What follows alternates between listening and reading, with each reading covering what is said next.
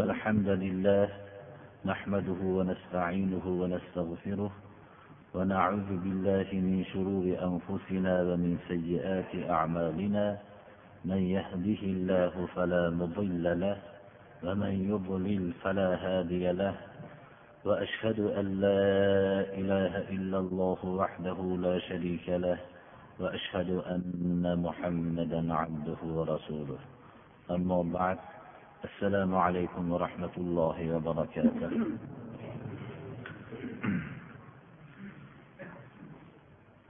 avvalgi ikki jumada darsimizni davom ettirolmasligimiz bu birlashgan arab amirligi bu kuvaytdagi jamiyatu ihyo ittirof birlashgan arab amirligidagi jamiyati doril bir jamiyalari tarafidan taklif qilinishligimizga binoan birlashgan arab amirligidagi jamiyalarda va u yerdagi ko'p majallalar va jaroidlar shu shularning huzurlarida bo'lgan bo'ldik. U yerdagi musulmonlar hammasi bu yerdagi musulmonlarga o'zlarining bir qizg'in salomlarini yo'llashganlar.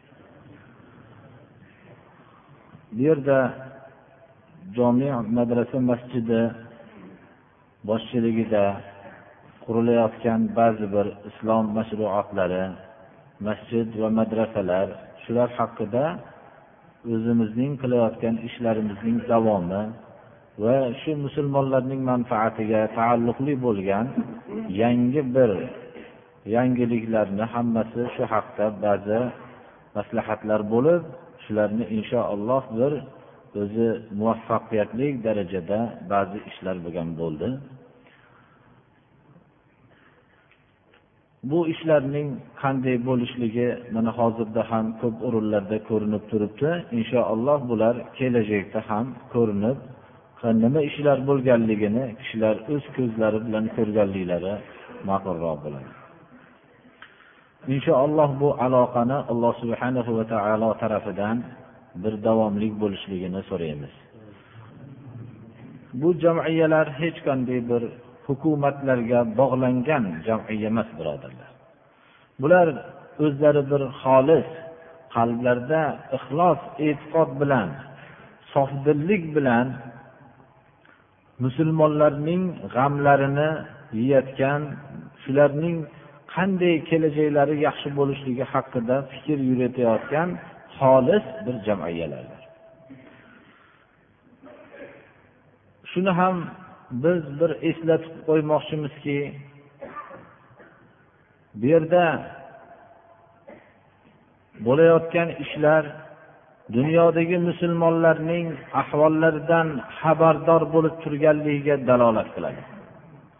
Xususan hozirgi vaqtdagi yugoslaviya viloyatidagi musulmonlarning hech qanday rahm shafqatsizlik bilan islom dushmanlarining bularni uylarining yondirayotganligi va ularning butun xalqlarni musulmon bo'lganligi uchun aybi ayblari la ilaha illalloh muhammadu rasululloh bo'lganligi uchun qaqshatqich bularni qatl qilayotgan islom dushmanlarini bularning ayanchli ahvollarini fosh qilingan holatda va shu bilan birga musulmonlarga ko'p yordam qo'llarini cho'zayotganligini guvohi bo'ldik.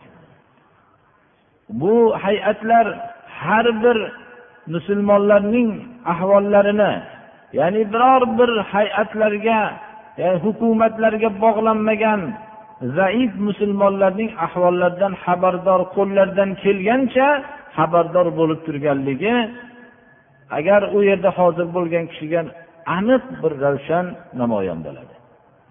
Alloh subhanahu va taolo ularni qilayotgan ishlarida alloh zafar bersin. Lekin ko'p bizni diyorimizdagi musulmonlar o'zlarining boshqa diyorlardagi musulmonlarga yurgizayotgan qiyinchiliklardan xabarlari yo'q bo'lib yashashadi. Chunki targ'ibot vositalari ularga aniq xabarlarni yetkazib bermaydi. Mana shu sabablar bilan juda ko'p narsalardan xabarsiz bo'lib yashashadilar. Alloh subhanahu va taolo islomga yomon niyat qilgan yer kurrasidagi har bir dushmanni olloh yer bilan yakson qilsin. Alloh subhanahu va taolo islomga bir yaxshilikni niyat qilgan har bir kishini olloh dinda bo'lmasa hidoyat qilsin islom dinida bo'lsa ishiga olloh muvaffaqiyat bersin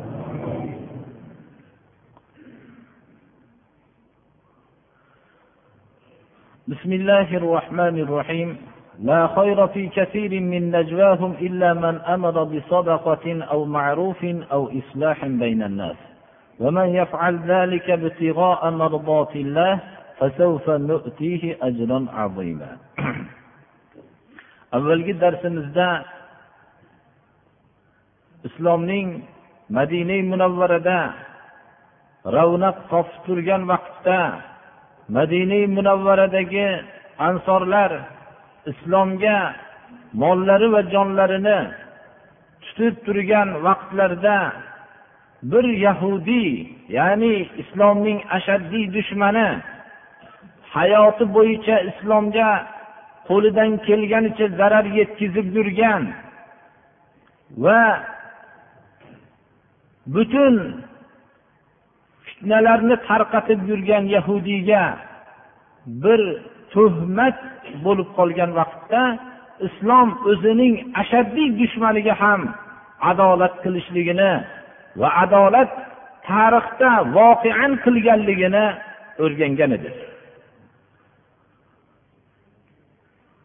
Va shu voqeada tuhmatdan qutulishlik uchun ba'zi bir kishilar o'zlarining maxfiy islomiy jamiyatdan tashqari maslahat qilib olganligini zikri ham o'tgan edi.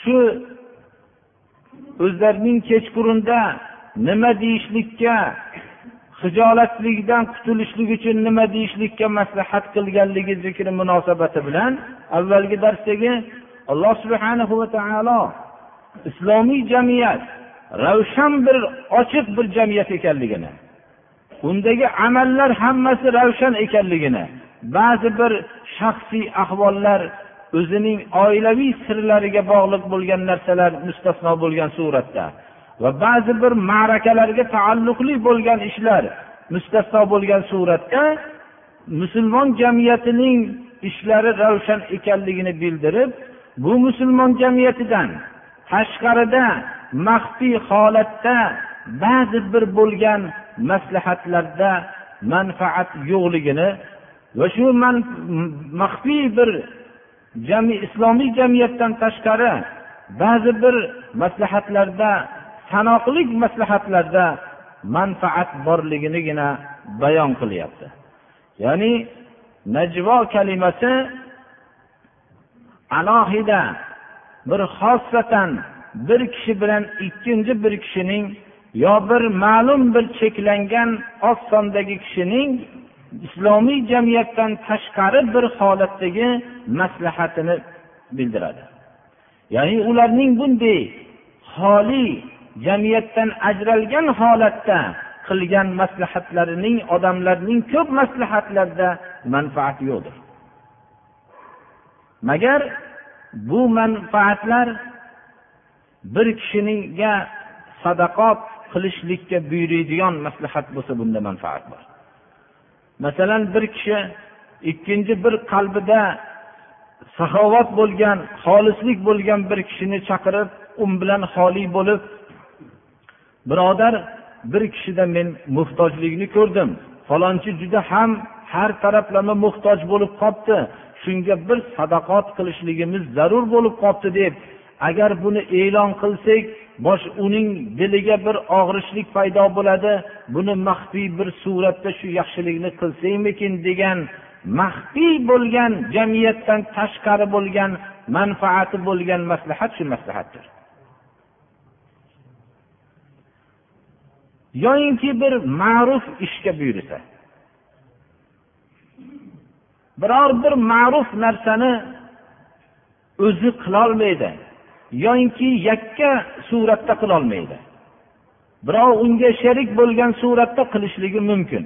Shu vaqtda maxfiy bir maslahat qilib bir ma'ruf bir ishga buyursak shunga siz menga yordam bersangiz shu narsani ollohni huzurida ajrini umid qilardik. Maxfiy holatda shu ma'ruf ishga buyursak degan maslahatdagina manfaat bor. Yoyinki odamlar o'rtasini isloh qilishlik. Biror bir kishi bilan ikkinchi bir kishining o'rtasida qattiq bir adovat borligini his qilgandan keyin buni jamiyat o'rtasida fosh qilmasdan maxfiy bir shuni qo'lidan keladigan kishi bilan xoli bo'lib shu o'rtani tuzatishlik haqida bir fikr yuritishlik uchun maslahat qilgan maslahatda ham manfaat bordir. Lekin shunchalik yaxshi ishlar bo'lishi bilan birga bu maslahat faqat ollohni rizosini istalgan bo'lmoqligi kerak. O'zi qanchalik yaxshi ish bo'lishligidan qat'iy nazar agar ollohni rizosini maqsad qilinmagan bo'lsa unda ajr bo'lmaydi. Shu sadoqatga buyurishlik uchun birov bilan xoli bo'lgan vaqtda men uni oldida bir katta kelajakda hurmatga erishib olay degan niyat bo'lsa yoyinki biror bir menga doim itoat qilib yuradigan qilib olay desa yoyinki bir ma'rufga buyurgan vaqtida sen zalolatda yurgan vaqtingda men seni ma'rufga buyurib yo'lga solib qo'ygan edim degan o'zining zabondaroz bo'lishlik uchun buyurgan bo'lsa. Yoyinki o'rtani isloh qilib sen ikkaloving hozirda endi inoq bo'lib qolding o'rtangda nihoyat darajada katta adovat bo'lgan vaqtda birovni ishi bo'lmagan edi men tuzatib qo'ygan edim seni. Sen endi menga tashlashlikka turding deganga o'xshagan vaqtlarni esga olib turib o'rtani tuzatishdan yo dunyoviy bir manfaat yetadigan kishilar bo'lsa ikkovi birlashgan holatda shunga o'xshagan narsalarni niyat qilsa. Yoyinki ba'zi bir kishilarning o'rtalarini tuzatishlik bilan shulardan bir quda bo'lishlikka o'xshagan ba'zi bir o'zining shaxsiy manfaatlari o'ylangan bo'lsa bularga alloh subhana va taolo ajr bermaydi. Amalning maqbul bo'lishligining ikkita sharti bor. Bittasi amal to'g'ri bo'lmoqligi kerak. U amal to'g'ri bo'lishligi odamlarning xohishlariga to'g'ri bo'lishligi kerak emas balki shariat tarozisida o'lchanganda to'g'ri belgi bo'lmoqligi kerak. Olloh rasulini buyrug'iga muvofiq bo'lgan amal to'g'ri amaldir. Lekin bu amalni qilishlik bilan amal maqbul bo'lmaydi. Bunga ixlos bo'lmoqligi kerak. Ya'ni faqat alloh subhana va taoloning rizosini istamoqlik kerak.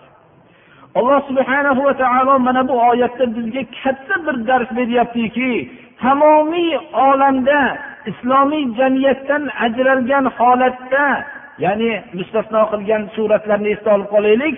Shaxsiy oilaviy sirlar bundan mustasno. Ma'raka jang maydonlariga taalluqli bo'lgan narsalar bular jamiyat o'rtasida fosh qilinmasdan hal qilinadigan masalalar bo'ladi.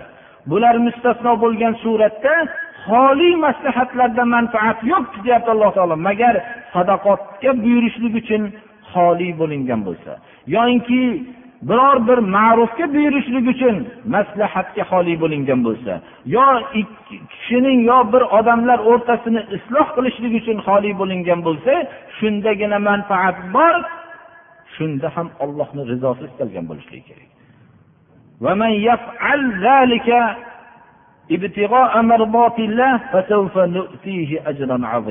Agar shu ishni kim ollohni rizosini istab qilgan bo'lsa biz kelajakda unga katta mukofot beramiz. Qur'oni karimda kelajakda berishlik bittasi fe'li muzore bilan kelsa ikkinchisi sin fe'li muzorening oldiga kelishligi bilan bo'ladi. Ba'zilarda savfa uzoqroq bo'lishligini haqiqatda ham qur'oni karimning shu kalimasi bu yerda bir mojizligiga dalolat qiladiki inson biror bir yaxshi ishni qilsa ollohni rizosi uchun buning mukofoti uzoqqa ketayotganga o'xshaydi. Dunyoda buni birovlar bilmayotganga o'xshaydi. Nihoyat darajada buni mukofoti bo'larmikin qolib ketdi shekilli deganga o'xshagan bo'ladi. U uzoqligi bilinib turadi insonga. Alloh subhanahu va taolo mana bu yerda ba'zi joylarda keladi ba'zi joylarda keladi. Bu yerdagi odamlar o'rtasida bo'lgan narsadan bir jinday inson uchun o'lish bo'ladi. Insonlar o'rtasida biror bir yaxshilikni qilsangiz ular sizga muhabbat nazari bilan qarab ozgina bir mukofotini tatib yurasiz. Ammo xoli vaqtda bo'lgandachi sir bo'lgan vaqtda xususan u bir ikki kishiga cheklangan bo'lsa buning mukofotini asarini hech yerda dunyoda ko'rmasdan yurishligingiz uchun beriladigan mukofotning muddati uzoqib ketayotganga o'xshaydi. Shuning uchun ham bo'lsa kerak alloh subhana va taolo bunga kelajakda katta mukofot beramiz deyapti. Haqiqatda ham mukofotni maxfiy qilingan sadaqotlarning mukofotini inson hayotda uni ko'radi lekin uning shuni mukofoti ekanligini bilmaydi. U qilgan sadaqotining yaxshiligining mukofotini odamlar oldida qilganda odamlardan minnatdorchilikni eshitgan vaqtda mukofotini ko'rayotganga o'xshaydi bir qismini. Lekin maxfiy qilgan vaqtda alloh subhana va taolo undan qancha balolarni qaytarganligini qancha yaxshiliklarni berganligini uni bilmaydi balki uni o'zimning mahoratim bilan topdim buni deydi. Yoyinki biror bir yomonlik ketgan bo'lsa tadbirkorligim bilan qaytardim deydi. Ammo uni alloh subhana va taoloning yo'lida maxfiy qilgan sadaqoti sababli qaytib ketayotganligini balolarni bu barakotlarning maxfiyligi sababli kelayotganligini o'zi his qilolmaydi. Magar alloh subhana va taolo unga salim qalb bergan kishilargina buni bila oladi. Shuning uchun ham mana bu oyatning agar shu bir oyatni agar shu darsini inson o'zining hayotiga tadbiq qilib olsa hozirgi aytilingan mazmun bu oyatning ma'nolarining bir qismidir birodarlar. Haqiqatda ham mukofot uzoqlashib ketayotganga o'xshaydi. Oxiri borib portlab odam aytib yuboradi. Shuning uchun ham qur'oni karimda kim yaxshilikni oxiratga olib borsa unga o'n barobar yoinki undan yaxshiroq bir mukofotlar beriladi deb va'da qilingan yaxshilikni qilgan kishiga emas birodarlar. Yaxshilikni qilgan kishigina oxiratda mukofotni ololmaydi balki yaxshilikni ehtiyot qilib yo'qotmasdan birovga shaytonga oldirmasdan qaroqchilarga oldirmasdan oxiratga olib borolasa shuning uchun ham qur'oni karim karim bu yerdagi diqqat bir nozik bir ibora keladiki kim yaxshilikni olib kelgan bo'lsa. Yaxshilikni qilish qiyin. Xolis to'g'ri qilish qiyin. To'g'ri qilganda ollohni rizosini istab qilish qiyin. Buni ollohni rizosini istab qilgan vaqtda buni minnat qilmasdan oxiratga olib borishlik hammasidan ham qiyindir. Shuning uchun ham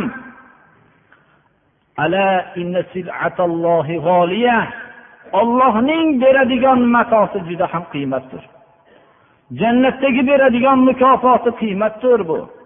Ollohni silasi jannatdir. Degan hadis shariflarning mazmuni shundan iborat bo'lsa kerak. Shuning uchun ham biz mana bu oyatdan o'zimizga bir xulosa chiqarmoqligimiz kerakki hozirgi holiy maslahatlarni qarang. Birov bilan birovni agar to'plansa xoli bo'lsa yoshlar nimani gaplashayotgan bo'lishi mumkin. Biror bir joyni o'g'irlab kelishlik uchun xoli bo'lib maslahat qiladi. Biror bir kishini qatl qilishlik uchun maslahat qiladi. Biror bir joydan harom narsani olib kelishlik uchun maslahat qiladi. Bu xoli maslahatlarning ahvoliga bir nazar tashlang. Bularning hech qaysida bir yaxshilik yo'q deyapti alloh taolo. Bular hammasi butun fasoddan iborat. Lekin yaxshilik bo'lgan narsani uchta narsaga cheklayapti. Bu uch narsani qilinganda ham ollohni rizosini maqsad qilishlikka shart qilinyapti. Takrorlaymiz amalning maqbul bo'lishligining ikkita sharti bor. Birinchi amal to'g'ri bo'lmoqligi kerak. U to'g'ri deganning ma'nosi shariatga to'g'ri bo'lishi kerak. Xalqning xohishiga emas birodarlar. Ikkinchisi bunga ixlos bo'lmoqligi kerak. Ixlos ya'ni ollohni rizosini istamoqlik kerak. Shunda amal maqbul bo'ladi. Ollohni huzurida maqbul bo'lgan amalni endi banda buni ehtiyot qilib olib borishligida qoladi. Alloh subhanahu va taolo mana bu oyatda bizga katta bir dars beryaptiki musulmon jamiyatda har xil bir kichkina kichkina mahallaga bog'liq bo'lgan islom biror bir millatga bog'liq bo'lgan islom ya'ni qo'polroq qilib aytganimizda geografik islom bo'lishligini xohlamayapti. Ya'ni har bir makonga xos bo'lgan islom bo'lishligini xohlamayapti. Islomiy jamiyatdan ajralib chiqqan har xil bir qismlar bo'lishligini xohlamayapti. Bularning xoli maslahatlarda ham manfaat yo'q magar uchta amaldagina manfaat bor deb bizni ogohlantiryapti. Alloh subhanahu va taolo hammamizni ham mana shu oyatga amal qilishlikka alloh tavfiq bersin. Subhanahu va taolo insof bersin haq yo'lga hidoyat qilsin. Mana bu hozirgi bir savol qilinibdi. Shu oyatda afsus bir nadomat davomi shu haqda edi o'zi. Biz vaqtimiz qisqa bo'lganligi uchun. Ba'zi bir kishilar hidoyat yo'lini bilishadi. Mana avvalgi darsimizda haq bilan hukm qilinganligi uchun dindan qaytib ketdi. O'tdik avvalgi darsimizda eshitilgan ya'ni bir yahudiyni tarafini oldi.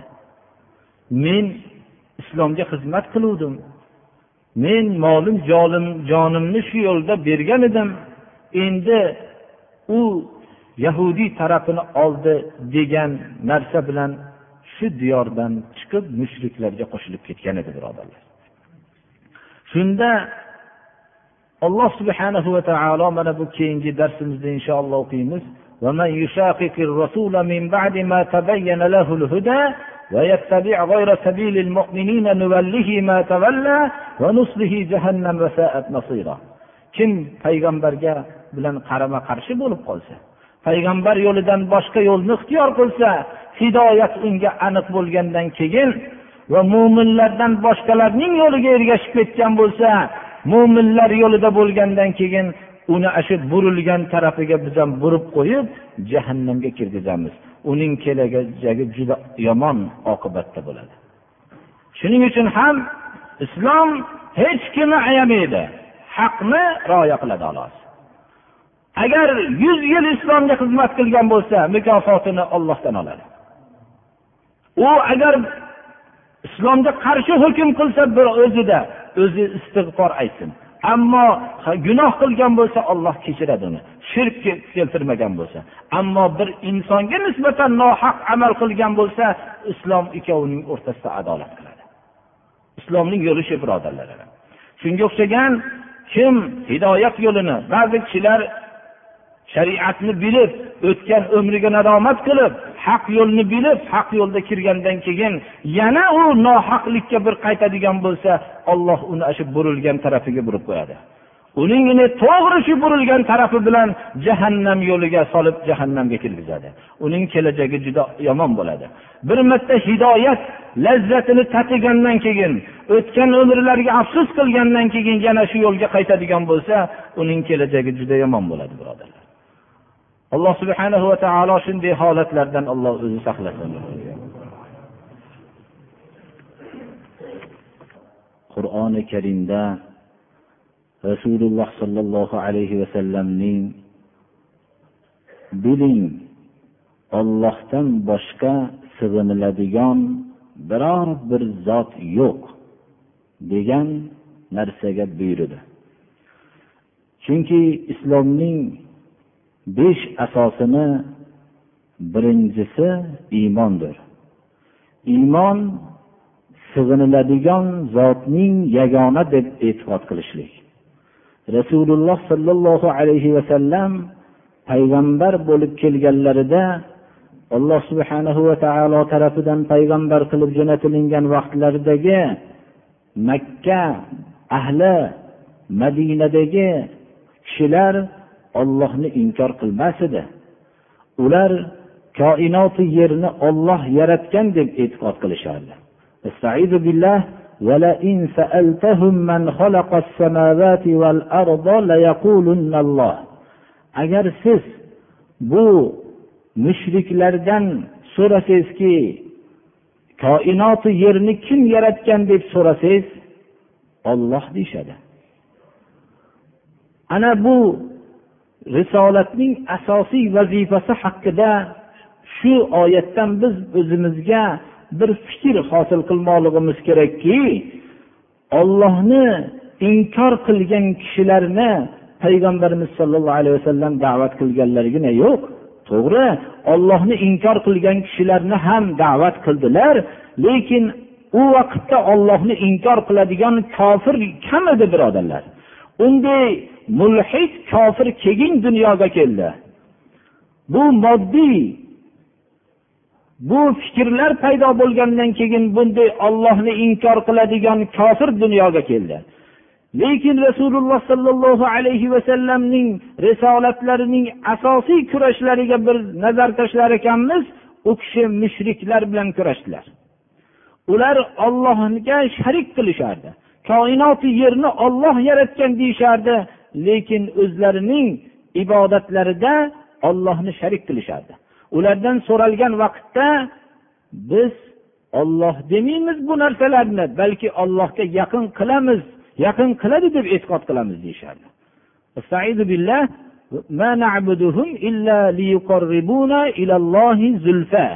Ollohga bizlarni yaqin qilishlik uchun bu butlarga sig'inamiz deyishardi. Hozirda ham ko'p kishilarga savol qilinsa nima uchun siz bu ollohdan boshqa bo'lgan narsalarga sig'inyapsiz degan vaqtda ular bizga javob qilishadiki ollohga bizga yaqin qiladi bizlarni deyishadi. Ba'zi bir nazrlarni ham har xil narsalarga o'ta o'sha har xil narsalarga bag'ishlashlik bizni ollohga yaqin qiladi deb e'tiqod qilishadi. Bunda shirk amali ekanligida shak shubha yo'qdir alloh subhanahu va taolo hamma gunohni kechiradi ammo shirkni kechirmaydi استعيذ بالله إن الله لا يغفر أن يشرك به ويغفر ما دون ذلك لمن يشاء ومن يشرك بالله فقد ضل ضلالا بعيدا alloh subhanahu va taolo o'ziga sharik qilinishligini hech kechirmaydi unidan boshqa gunohlarni xohlagan bandasini gunohini kechiradi Mana bu narsaga biz bilishimiz kerakki la ilaha illalloh kalimasining ma'nosi ollohdan boshqa sig'iniladigan zot yo'q degani. Ollohdan boshqa yaratuvchi yo'q degani. Ollohdan boshqa rizq beruvchi yo'q degani. Chunki bu kalima insonning qalbiga agar barqaror bo'lmas ekan inson hayotida har xil bir holatga tushadi. Haq yo'lda barqaror bo'lishligi bo'lgan vaqtda agar sen shu haq shu yo'lingda turar ekansan senga yemoq ichmoq yo'lini tiyib qo'yaman degan zolimlar paydo bo'ladi. Shu vaqtda la ilaha illalloh kalimasini qalbida joylagan kishi ollohdan boshqa rizq beradigan zot yo'q deb haq yo'lida barqaror bo'lib qoladi. Ollohdan boshqa qo'rqilinadigan zot yo'q. Bitta ma'nosi agar sen shu haq yo'lingda barqaror bo'lsang seni har qanday jazo bilan jazolayman degan zolimga ro'baro bo'lganda la ilaha illalloh kalimasi qalbida barqaror bo'lgan kishi ollohdan boshqa qo'rqilinadigan zot yo'q deb e'tiqod qiladi.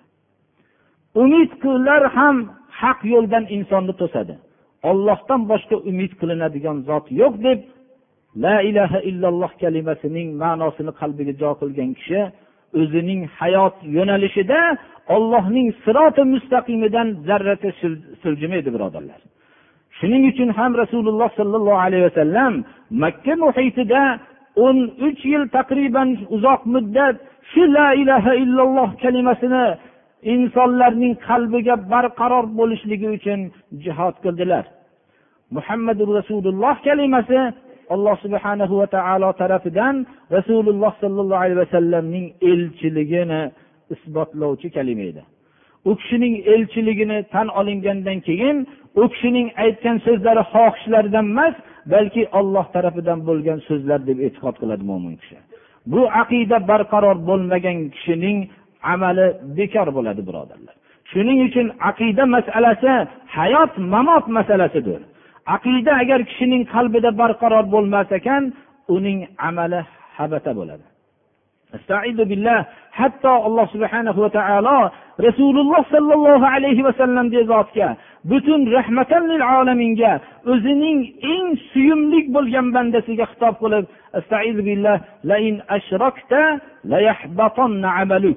agar shirk keltirsangiz amalingiz habata bo'lishligida shak shubha yo'q deb.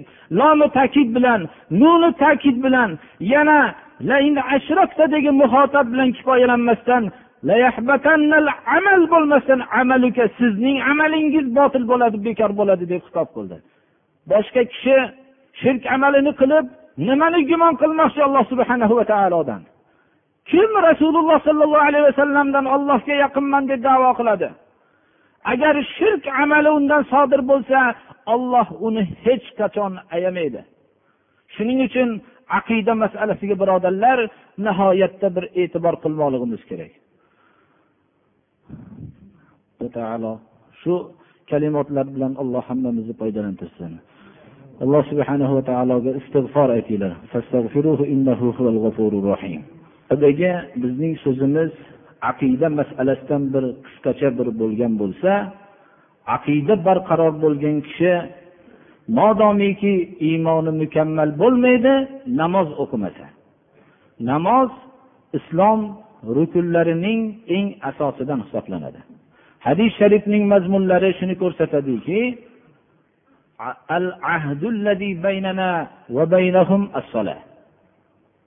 biz bilan kofirlarning o'rtasini ajratib turuvchi amal namoz deyilgan. Hadislarning ba'zi mazmunlari shuni ko'rsatadiki qasddan tark qilsa namozni kofir bo'lishligida shak shubha yo'q deyilgan.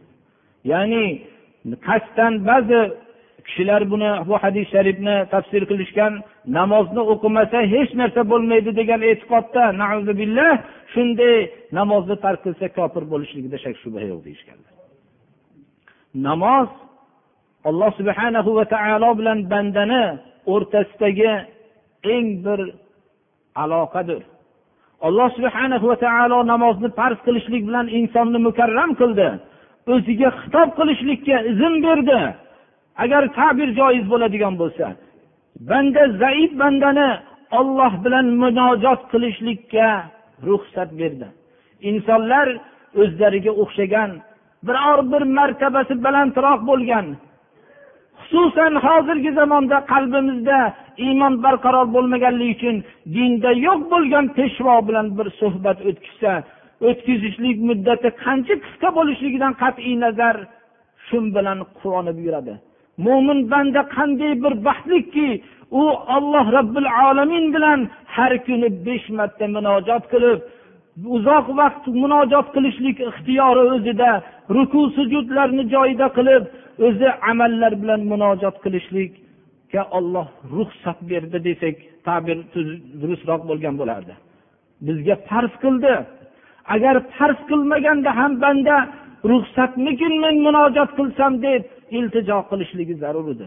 Bunday katta ne'matni zoye qilgan kishilar albatta dindan chiqishligiga sazovordir ollohning hamma ne'matlaridan mahrum bo'lishlikka sazovordir lekin ular o'ylashmasinki dunyodagi topayotgan narsalari ne'mat deb.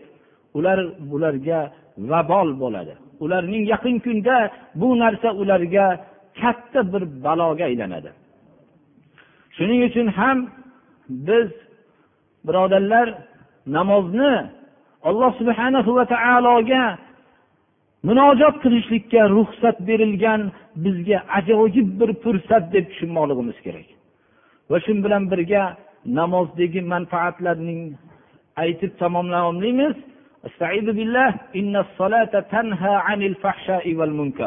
namoz insonni buzuq ishlardan va shariatga zid bo'lgan ishlardan saqlaydi. Agar bir kishi haqiqiy namoz o'qiyotgan bo'lsa u kishi albatta yomon ishlardan inshaalloh ollohni madadi bilan qaytadi. Abu dardo roziyallohu anhu uylariga yig'lab kirdilar. Ayollari so'radilar nimaga yig'layapsiz? deganlarida rasululloh sollallohu alayhi vasallamning davrlaridagi amallardan namozdan boshqa narsa qolmabdi dedilar. Uni ham zoya qilishibdi odamlar dedilar ya'ni uni ham rasululloh sollallohu alayhi vasallamning davridek qilib o'qishlikdan mahrum bo'lishibdi deb yig'ladilar. Shunga yig'lashlikka sazovor deb bildilar. Bizchi mutlaqo o'qimayotgan farzandlar bilan birga yashayapmiz. Mutlaqo o'qimayotgan o'zimiz mana shu kishilar atrofida yashayapmiz birodarlar. Mana bu narsa bizlarda yig'i hosil bo'lmaganligi bilaylikki qalbimizni qorayib borayotganligini belgisi alloh subhana va taolo qur'oni karimda surai maryamda o'zining ulug' payg'ambarlarni maqtab ularning hammalarini birma bir zikr qilib billah فخلف من بعدهم خلف أضاعوا الصلاة واتبعوا الشهوات bulardan keyin endi bir toifalar qoldiki bir kishilar qoldiki namozni zoye qiladigan kishilar va shahavotlarga xohishlarga ergashib ketadigan kishilar demak inson o'zining shahovatlariga ergashib ketishlik namozni zoye qilishlikka olib boradi namozni zoye qilgan kishilarni alloh subhana va taolo ularning yomon bir qoldiqlar deb yod qilyapti alloh subhana va taolo bizlarga farz qilgan bu namozga shoshilinglar. Bularni nihoyatda joyiga keltirib o'qishlikka ishtihod qilaylik va bu namozlarni alloh subhana va taolodan qabul qilishligini allohdan so'raylik.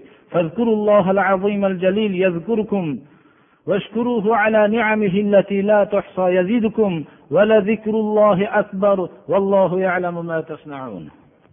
اللهم استرنا بسترك الجميل في الدنيا والآخرة. اللهم احفظنا يا فياض من جميع البلايا والأمراض.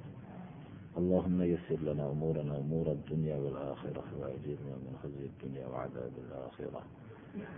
اللهم إنا نعوذ بك من الكفر والفقر والجبن والكسل ومن فتنة المحيا ومن فتنة الممات ومن فتنة المسيح الدجال ومن فتنة عذاب القبر أن نرد إلى أرض العمر اللهم اهدنا إلى ما فيه صلاحنا وخيريتنا في الدين والدنيا والآخرة. اللهم حبب إلينا الإيمان وزينه في قلوبنا وكره إلينا الكفر والفسوق والعصيان. أجمعين الطاهرين الطيبين وأرحمنا واحشرنا برحمتك يا رحمن